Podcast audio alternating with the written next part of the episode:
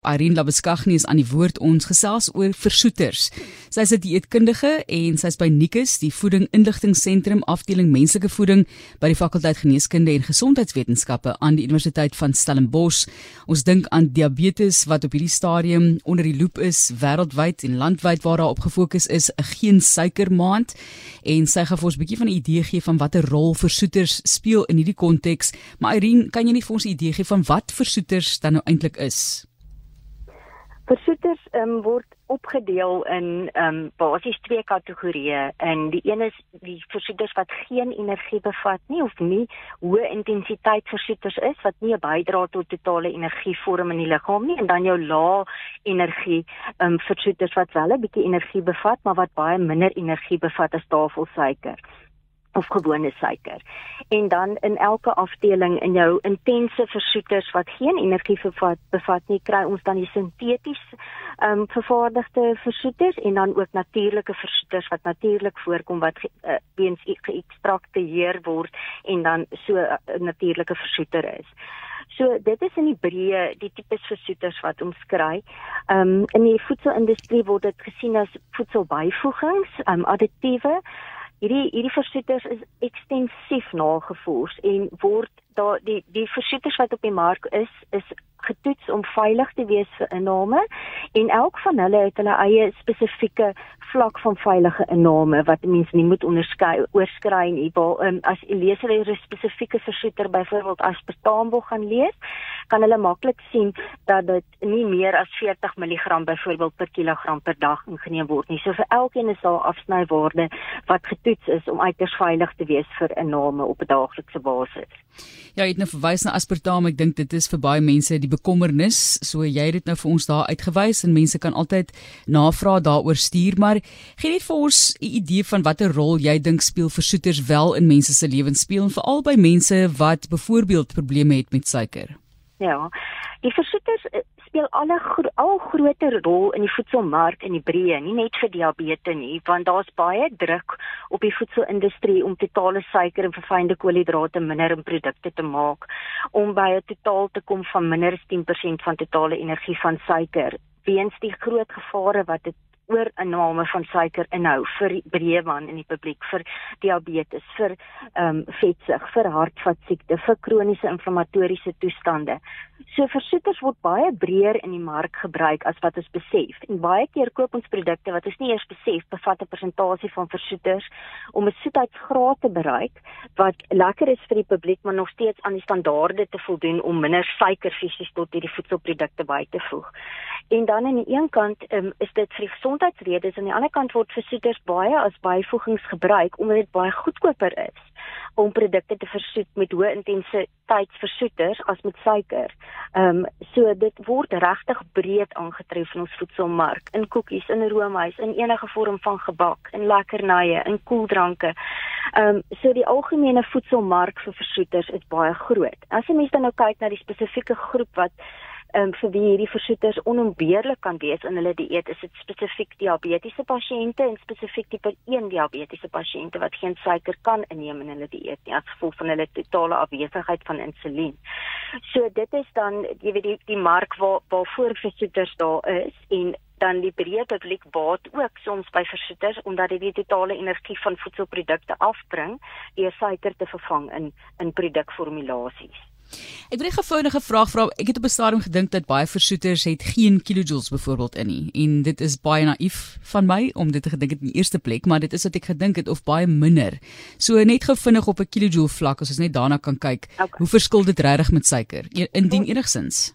Ja, ons hoë intensiteit versoeters byvoorbeeld aspartaam, acetylfoam, K, saccharin stevia en thiamine het omtrent ek geen energie wat dit bydra tot die dieet nie. Maar dan jou suiker alkohole waarvan ons praat, ons poliehole is um versoeters soos xylitol, sorbitol, mannitol, isomalt. Hierdie versoeters bevat wel energie en dit is in die omgewing van 40 tot 100% um wat van normale suiker.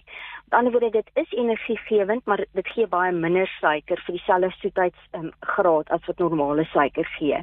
En baie van hierdie um suiker alkohole waarvan ons praat word van natuurlike vesels en vrugte en groente gemaak en dit word nie so effektief um, geabsorbeer en verteer in die liggaam nie en daarom het dit dan nou 'n laer totale energie bydra tot die dieet en is ook geskik vir diabetes van hulle.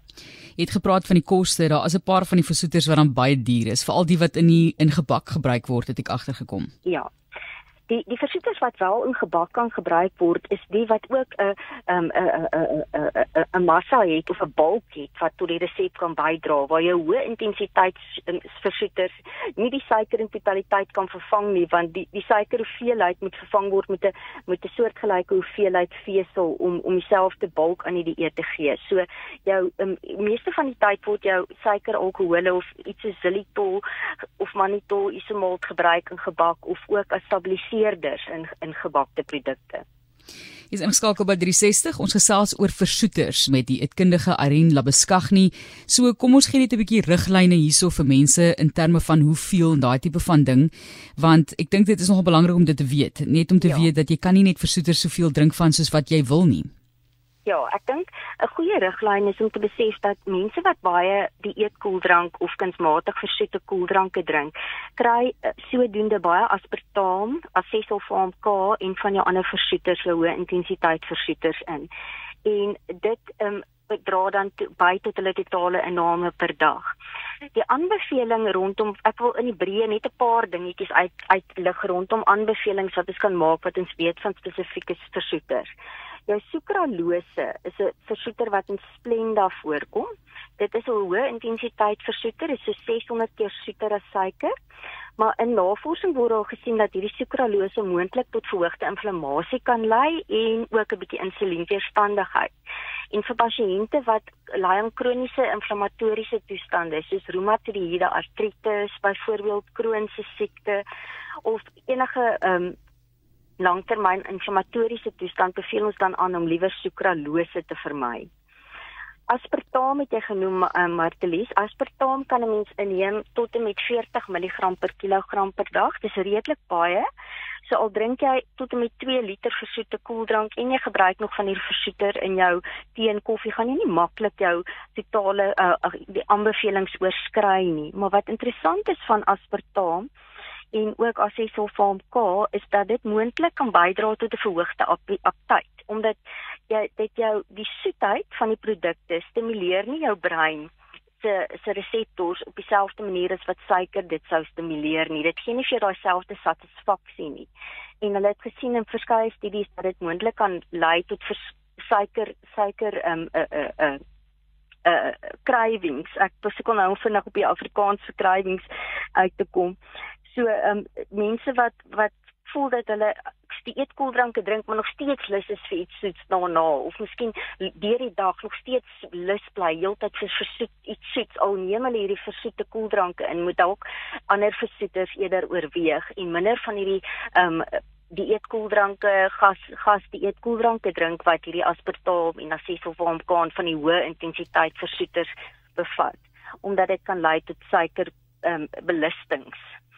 Dan ehm um, van die versoeters wat die diabetes vereniging van Suid-Afrika en ook die ehm um, verskeie dieetkundige ehm um, verenigings wêreldwyd aanbeveel wat dan gebruik kan word um, oor vir vir tee en koffie of om bytgrond te versoet boonbehalwe dit wat hulle in die industrieprodukte gaan inkry soos die koeldranke wat ek genoem het is iets so stevia stevia word is natuurlike versoeter. Hy gee geen energie nie en hy word van 'n plant in die um, in Suid-Amerika se se blare vervaardig. So stevia is 'n goeie keuse.